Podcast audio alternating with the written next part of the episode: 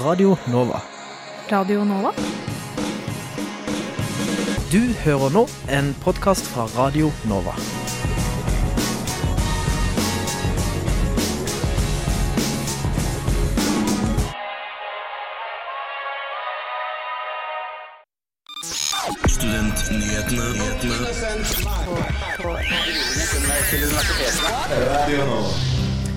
Brann i kjemibygningen til Universitetet i Oslo. 22 personer ble evakuert. Lærerstudenter ved UiO etterspør refusjon på obligatoriske reiseutgifter. Hvordan finansierer studenter utdanning ved privatskoler? Hvordan er det egentlig å være på utveksling? Vårt debattprogram Emneknaggen dekker saken. Og du får helgas værmelding. Hei og velkommen til Studentnyhetene her på Radio Nova. Jeg heter Stig Gøran Skogvang, og med meg så sitter Anna Tørresen. Hei, hei. Og vi skal lede deg gjennom den neste timen med nyheter fra studenter til studenter og alle andre. Med oss i dag har vi også representanter fra Fremskrittspartiets Ungdom, Arbeiderpartiets studentlag i Oslo og Oslo Liberale Studenter. De skal diskutere den nye regjeringssituasjonen. Men først ukas nyhetsoppdatering.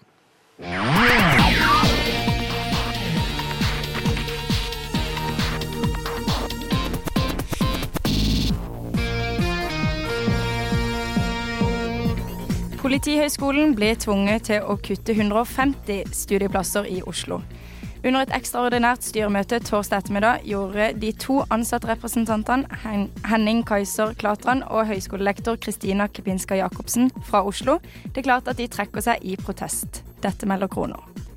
Kartleggingsmetoden som er utvikla ved Senter for praksisretta utdanningsforskning ved Høgskolen i Innlandet, får krass kritikk. Dette melder Kroner. Kartlegginga går ut på at elever i første til tiende trinn skal evaluere sin egen væremåte, innsats og relasjon til både lærere og skolekamerater. Også lærere og foreldre må svare i den omfattende kartlegginga. 15 år etter at metoden først ble tatt i bruk, kommer det mye kritikk. Den går i hovedsak på etikken rundt hvordan og hvilke spørsmål man kan stille barn. Mandag ble det kjent at to iranske forskere ved NTNU er sikta av PST. De er sikta for datainnbrudd, og PST fikk melding om de to etter at det ble mistenkt for forskning utenfor regelverket. Dette melder Krono. Universitetet skjerper nå rutinene, men mener det ikke er gjort feil i vurderinga av de to ansatte. Det var ukas nyhetsoppdatering med Anna Tørresen.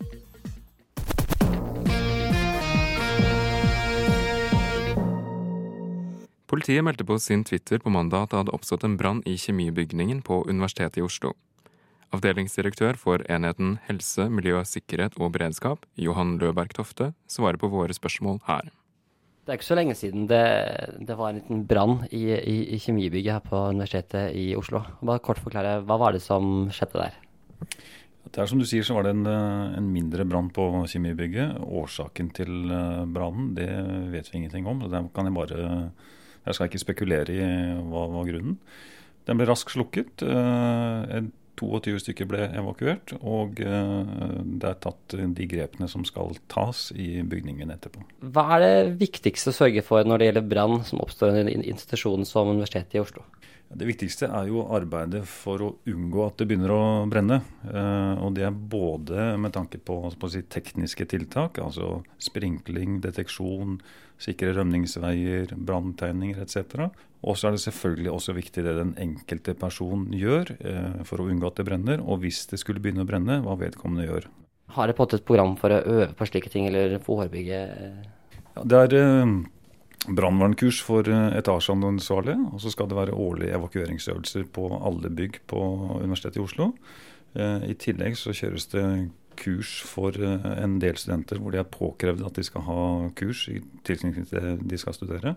Og så er det også den, en app som heter Sikre siden, hvor det er mulig å laste ned. og Det oppfordrer alle til å gjøre. Og Der kan du få informasjon forebyggende og hvis noe skulle skje. Enheten helse, miljø og sikkerhet har visse forhåndsregler og regelverk for lagring av kjemikalier og gasser som finnes på Universitetet i Oslo. Det er et eh, regelverk for eh, lagring av eh, både gasser og flytende stoff som følges. Og Det regelverket har også på mengde og hvordan det skal lagres, og samlagring, altså at man ikke lagrer ulike ting sammen som ikke skal lagres. Og Det regelverket føres, og derfor så er det sannsynligheten eller konsekvensene knyttet til det, altså ikke sånn ekstreme på, den, på det området. Løberg Tofte kommer samtidig med noen tips for hva studenter og ansatte skal gjøre hvis de oppdager en brann. De skal eh, forsøke å slukke uten å sette seg selv eller andre i fare for uh, altså liv og helse. Uh, og hvis ikke de er mulig å slukke, så er det da å trykke på brannmelderen og evakuere ut av bygningen. Og det er, et, uh, det er, en forventning om at den enkelte tar ansvar og har en uh, si, handlingskompetanse til å rømme bygningen ved brannalarm. Og at man faktisk gjør det. Altså. I alle bygg jo, og etasjer så er det jo håndslukkere, enten det er pulverapparat eller det er brannslanger eller skumapparat. Og da kan man bruke de hvis det er mulig å komme til å, å slukke. Vil du si at UiO har gode tiltak mot brann? Ja, det mener jeg. Vi har, eh, vi har, en rekke tiltak knyttet til det som er lovpålagt. I tillegg så har vi da disse evakueringsøvelsene. Vi har et system for eh, brannvern, altså et, eh, en policy knytta til det. Og så har vi også mm, disse evakueringsøvelsene som er årlig. Brannen er under etterforskning av politiet, sier Løberg Tofte. Han kan ikke kommentere saksprosessen, men han vil samtidig gi én siste oppfordring til studenter der ute. Det er to ting. Det ene er å bruke sikkerhetssiden, siden, den appen. Det andre er å faktisk eh, ta de forhåndsreglene de skal ta ved, for å unngå at det brenner. Eh, og hvis det skulle begynne å brenne, at man evakuerer og gjør de grepene man skal gjøre da. Der hørte du Johan Løberg Tofte, fungerende avdelingsdirektør for enheten helsemiljø, sikkerhet og beredskap ved Universitetet i Oslo. Reportere i saken var ingen ringere enn Ingar Jakob Feiring og Stig-Gøran Skogvang. Krono skriver at lærerstudenter på Oslo OsloMet får dekt reiseutgifter i forbindelse med praksis, til forskjell fra lærerstudenter ved UiO. På tross av at flere av praksisplassene befinner seg utenfor sone 1, må studentene betale utgiftene selv. Praksisen er en obligatorisk del av studiet. Leder for lektorprogrammets programutvalg, Vilde Johannes Ropstad vil ha svar på hvorfor disse utgiftene ikke faller under gratisprinsippet i høyere utdanning. Vi i LPU mener at reiseutgifter til praksis bør ligge under gratisprinsippet. Vi forstår ikke helt hva som er forskjellen på en studietur og en praksisutplassering, for begge deler er aktiviteter som foregår utenfor campus, og som burde bli refundert. Rita Vistendal er instituttleder for ILS, Instituttet for lærerutdanning og skoleforskning ved UiO. Hun skriver i en e-post til Studentnyhetene at selv om instituttet har forståelse for at utgiftene kan oppleves som urettferdige, har ikke instituttet økonomiske eller administrative ressurser til en refusjonsordning. Videre skriver Vissendal at instituttet avventer en behandling fra departementet av gjennomføringa av praksis. Vi i LPU håper at det kommer på plass en refusjonsordning på UiO ganske snart, og vi mener også at eh, reiseutgifter til praksis absolutt bør ligge inn under gratisprinsippet. Takk til Vilde Johanne Snipstad og Rita Vistendal. Reporteren du hørte, var Katrine Dybdahl. Høgskolen Kristiania og BI er populære høyskoler i hovedstaden. Nå skal vi høre litt om hvordan studentene finansierer utdanninga si. Og det var studieavgifter, kanskje. Husk å betale studieavgift innen 1. februar. Prislappen på en bachelor fra BI er på ca. 230 000 kroner. På Høgskolen Kristiania ser han ca. 300 000 kroner. Dette er utgifter som kommer i tillegg til bo- og levekostnader. Jeg har snakka med studenter fra BI i Nydalen for å høre litt om hvordan de finansierer skolegangen sin. Hvordan finansierer du dine studier? Eh, jeg bruker Lånekassen til å finansiere studiene.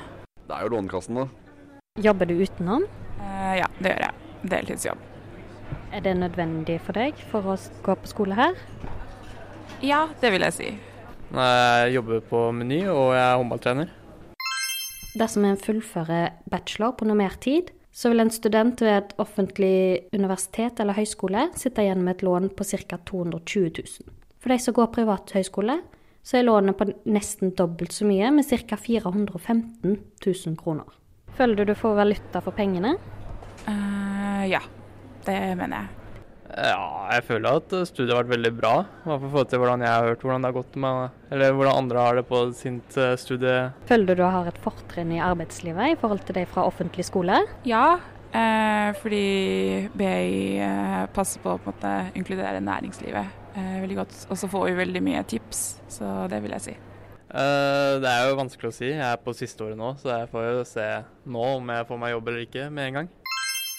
40% av det ordinære lånet blir omgjort til stipend dersom en består alle fag og tar en grad på normert tid. Skolepengelånet derimot, det er et rent lån som ikke blir gjort om til stipend etter bestått utdanning. Er studiegjeld noe du tenker mye over? Mm, ja, det er jo noe jeg tenker over. Eh, men så tenker jeg også at det er verdt det. Fordi det er utdanningen min og karrieren min. Begynt å tenke mer på det nå som jeg nærmer meg slutten av studiene, siden jeg må spare til bolig også. Eh, ikke så mye, egentlig. Ja, det skal ikke være lett å finansiere utdanningen. Reporter i saken var Helene Wilhelmsen. Debattprogrammet Emneknaggen er endelig tilbake. Temaet for sendingen på onsdag var utveksling. Her hører du Selma Hellstrand og Elise Kubrø snakke om sine opplevelser på utveksling. Og med følger noen tips. Jeg trodde jo at man skulle Jeg hadde jo søkt stipend og lån, og så trodde jeg at jeg skulle få det eh, fordelt.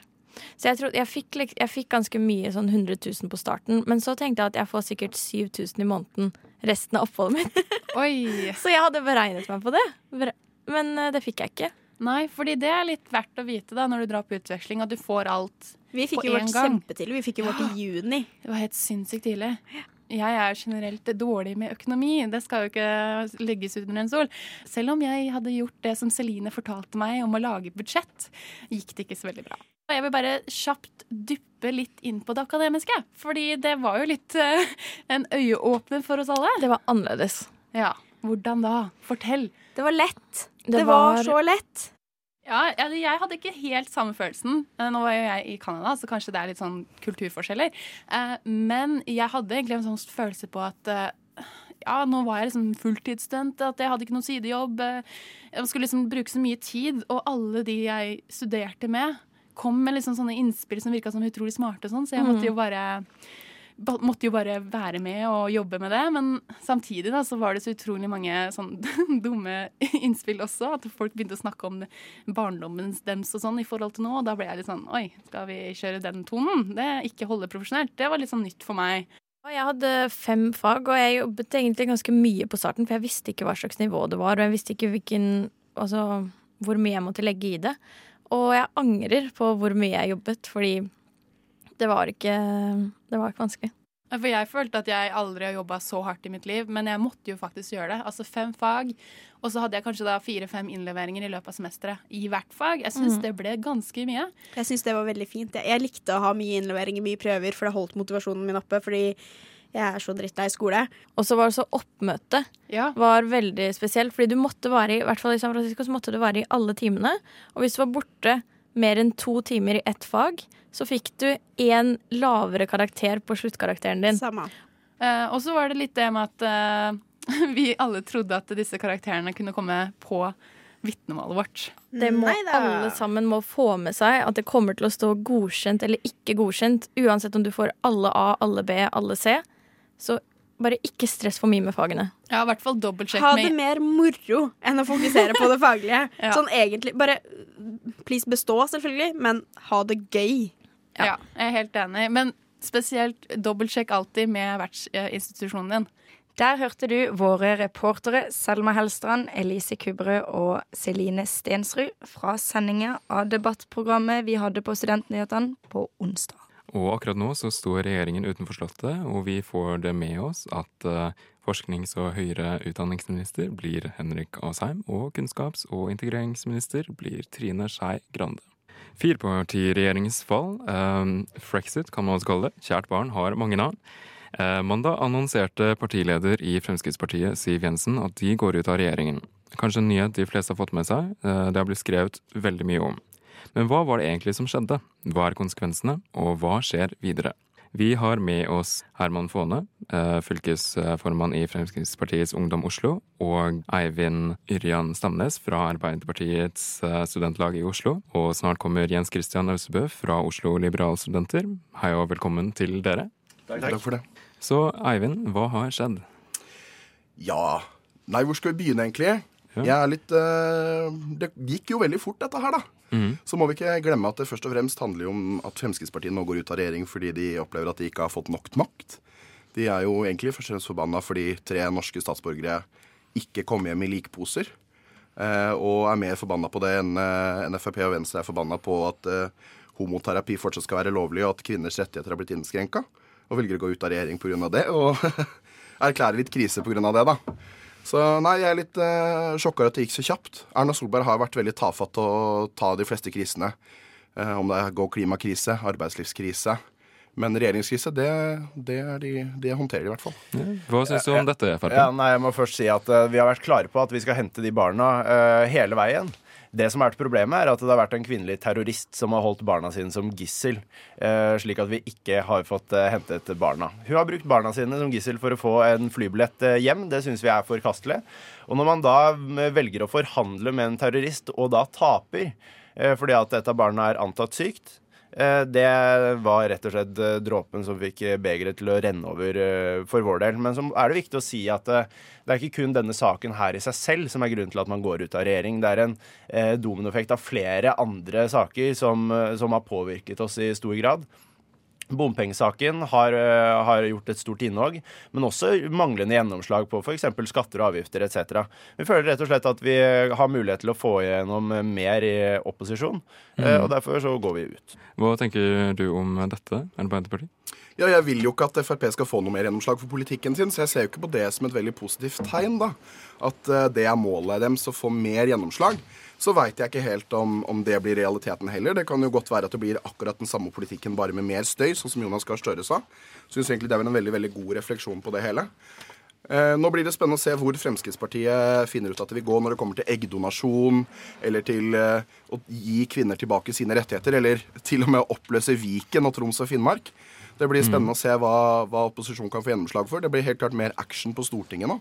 Men uh, det, det, jeg er redd for, er at det blir mer støy og mindre faktisk politikk. Det er bare kort kommentar til eh, FPU her.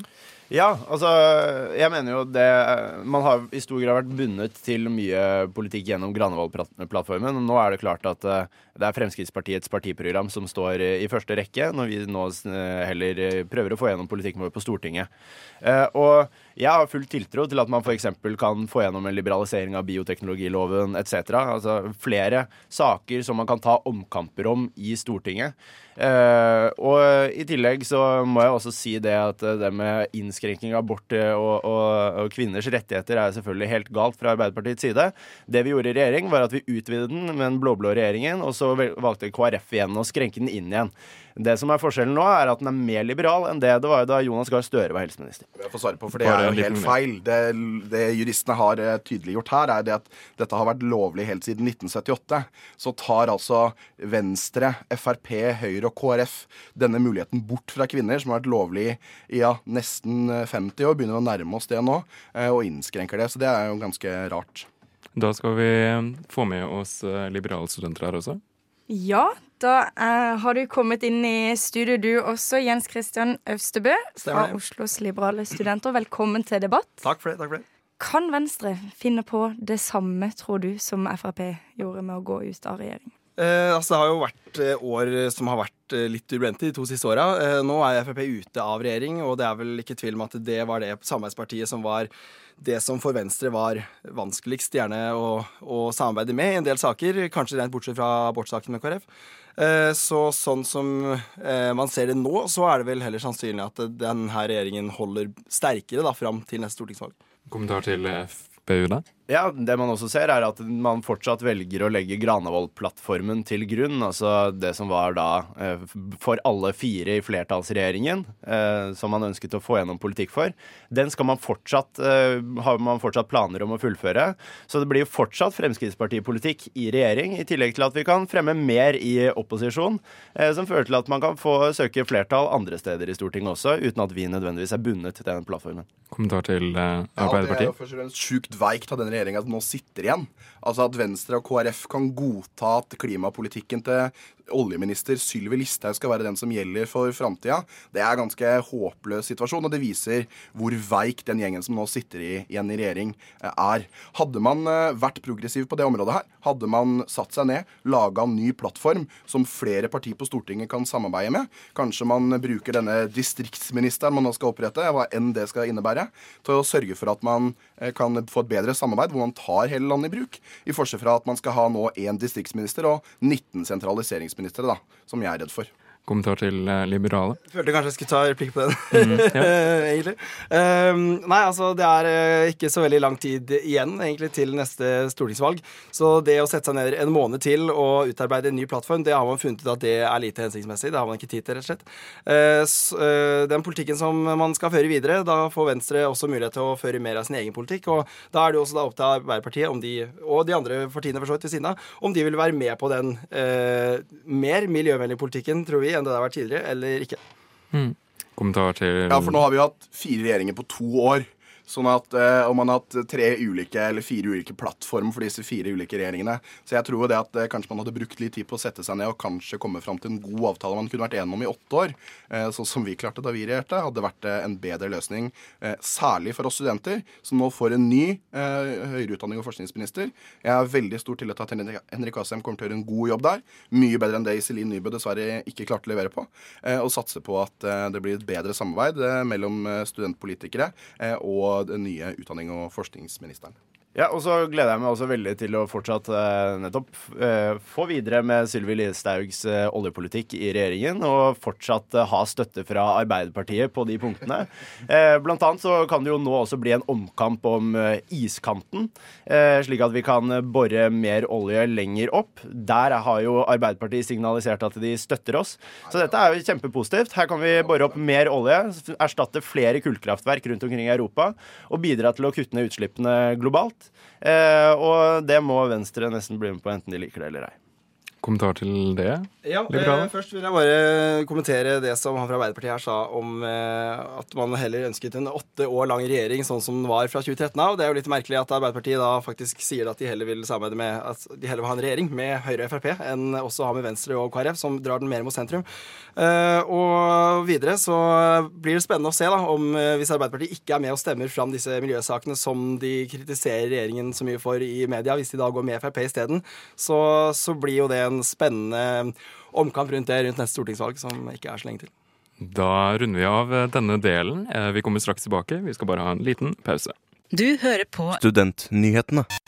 Vi er inne i en diskusjon her nå i studio, og vi har med oss Herman Faane, eh, fylkesformann i Fremskrittspartiets Ungdom Oslo.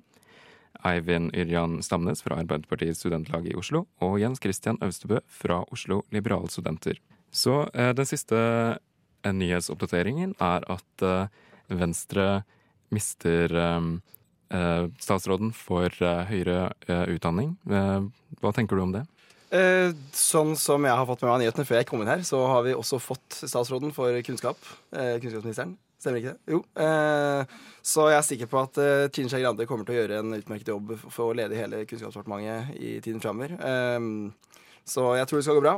det har vært bra for studentene, tror jeg. Hatt en egen statsråd som har vært dedikert utelukkende til forskning og høyere utdanning. Eh, men jeg er ikke i tvil om at Kunnskapsdepartementet kommer til å, å håndtere dette her bra i tiden framover, når det nå er leda av Venstre i ja, den neste tida. Eh, hvordan eh, tror du det måte blir i regjeringen videre? nå må du utdype. Hva tenker du blir regjeringen? Med samarbeidet og Sånn at det nå ikke er Frp i regjering? Og ja, På generell basis mm. så mhm. tror jeg det blir lettere enn hva det har vært. Det var mange venstrefolk som eh, trakk et litt lettelsens eh, sukk eh, på mandag, det ble offentliggjort, som, som, nok følte på at det, nå er det mindre politikk som man ikke liker så godt selv, man må stå inne for. Og, og, man kan i større grad jobbe for Venstres egen politikk. Man kan også søke flertall flere steder enn bare utenfor regjeringen, nå som beslutningene skal tas i Stortinget ved en mindretallsregjering. Har du en eh, kommentar til det, FPU?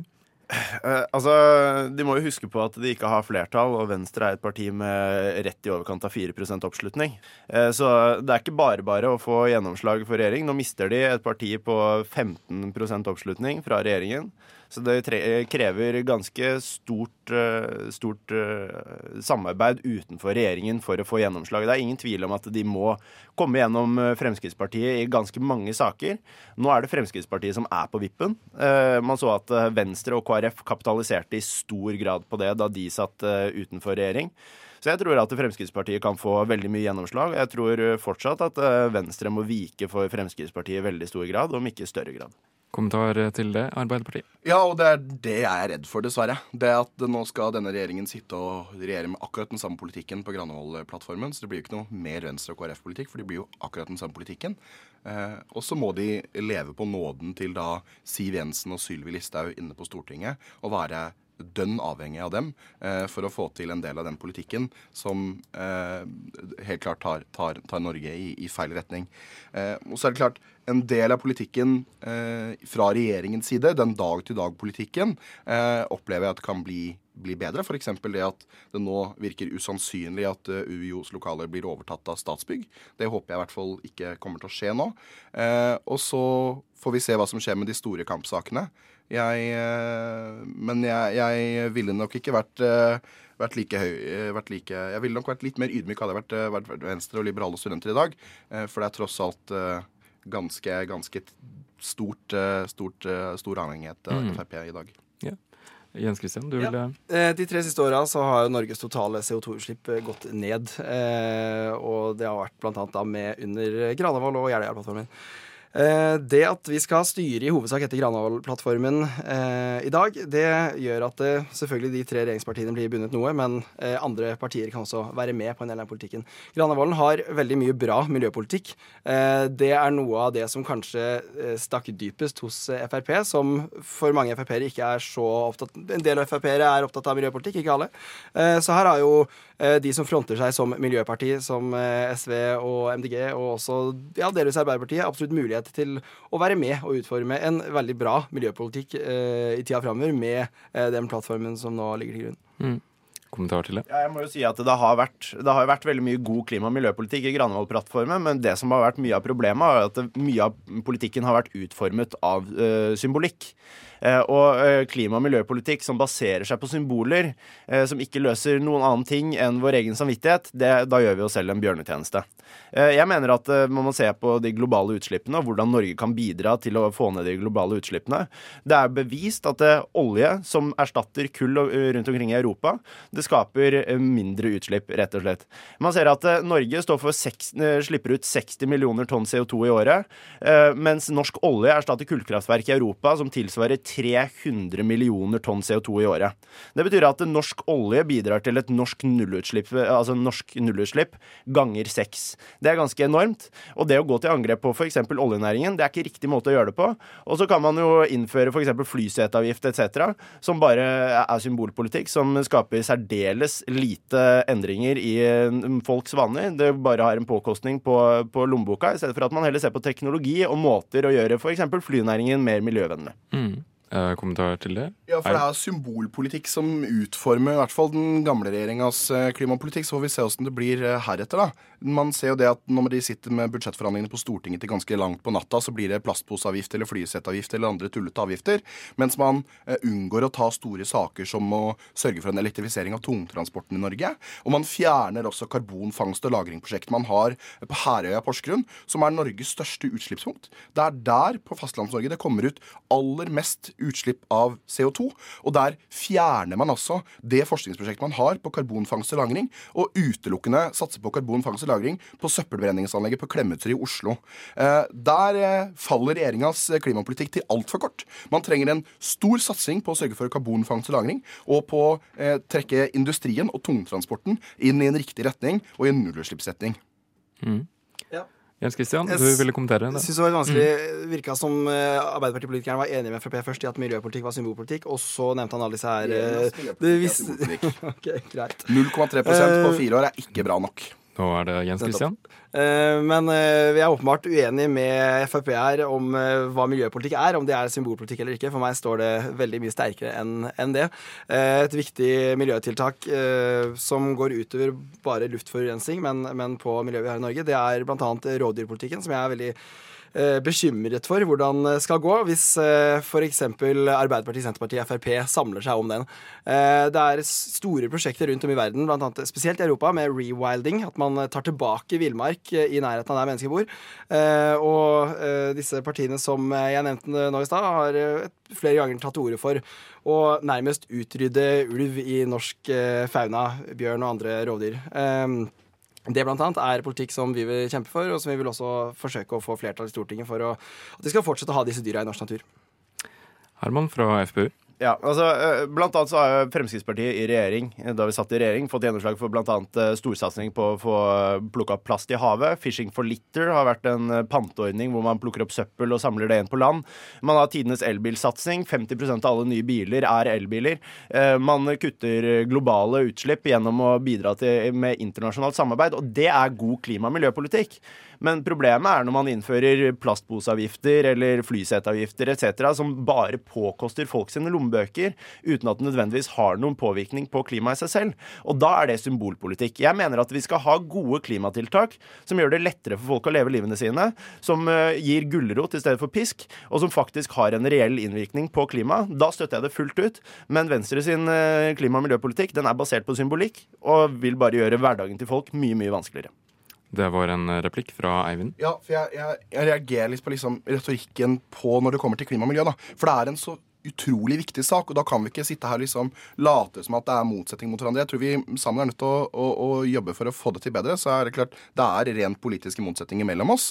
Når man har noen som tar til orde for at eh, liksom, kampen for å bevare ulven er det viktigste, mens andre er opptatt, mest opptatt av å skyte ulven. Samme bompenger. At du har noen som går og skriker at de elsker bompenger, og noen som går og skriker at de hater bompenger. Vi er nødt til å finne en god politikk som funker, og som kutter mer enn 0,3 eh, av klimagass, klimagassene våre på fire år. For det er altfor, altfor dårlig. Det var en replikk fra Jens Christian. Ja, eh, det er mange Miljøpolitikk er et stort felt, og vi vil ikke gjøre nødvendigvis livet vanskeligere for folk, men det er jo helt klart at når det er mindre privatbilisme og man skal leve mer miljøvennlig, så må man tenke litt nytt i hvordan man skal leve, og overgang er tøft. Det er det ingen som liker. Alle som har jobba i en bedrift i omstilling, vet at eh, omstilling, det er noe dritt. Eh, Så den saken må man ikke bare ta. Eh, Noe av det jeg syns er eh, litt kult med den såkalte eh, symbolpolitikken eller dårlige politikken som eh, vi har ført de siste åra, det er eh, blant annet har jeg merket selv at eh, før 2013, da vi hadde rød-grønn regjering i åtte år, eh, så var de som kjøpte elbil, ofte litt idealistiske. De hadde en, et ønske om å ha elbil, en livsstil, eller de hadde, hadde gjort seg opp tanker rundt dette her. Da. Det som eh, er stille nå, det er at folk som er svært uh, uenig i miljøpolitikken som føres fra regjeringen, de kjøper elbil likevel.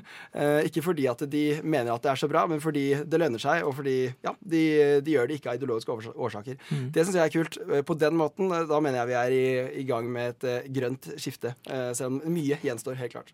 Da er vi snart eh, dessverre ute av tid, men eh, vi kan gi en siste kommentar til Arbeiderpartiet. Ja, Takk for at jeg får det siste ordet. Jeg er helt enig med liberalister på det. Det er selvsagt at eh, privatbilismen må, må sørges for at vi får kutta klimagassutslipp. Elbilpolitikken er et viktig og bra virkemiddel der. og Derfor er jeg veldig glad for at Jens Stoltenberg sin første regjering innførte det i 2000, eh, i samarbeid med Venstre. Ja, Tusen takk til dere, Herman Faane, fylkesformann i Fremskrittspartiet Ungdom Oslo, Eivind Yrjan Stamnes fra Arbeiderpartiet Studentlag i Oslo og Jens Christian Østebø fra Oslo Liberale Studenter. Og takk for at dere kunne komme. Da starter jeg med litt værmelding for helga. På fredag, altså i dag, så er det jo bare å se ut. Det er sol, og vi holder oss faktisk på plussgradene. Rundt tre grader. På lørdag så blir det trolig litt gråere. Gradene holder seg ganske likt som i dag gjennom hele lørdagen.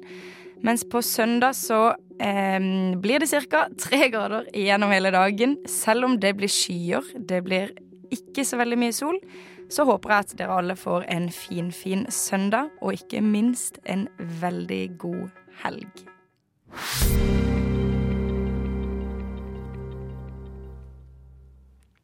Det var værmeldingen for helga, og med det så takker vi for oss.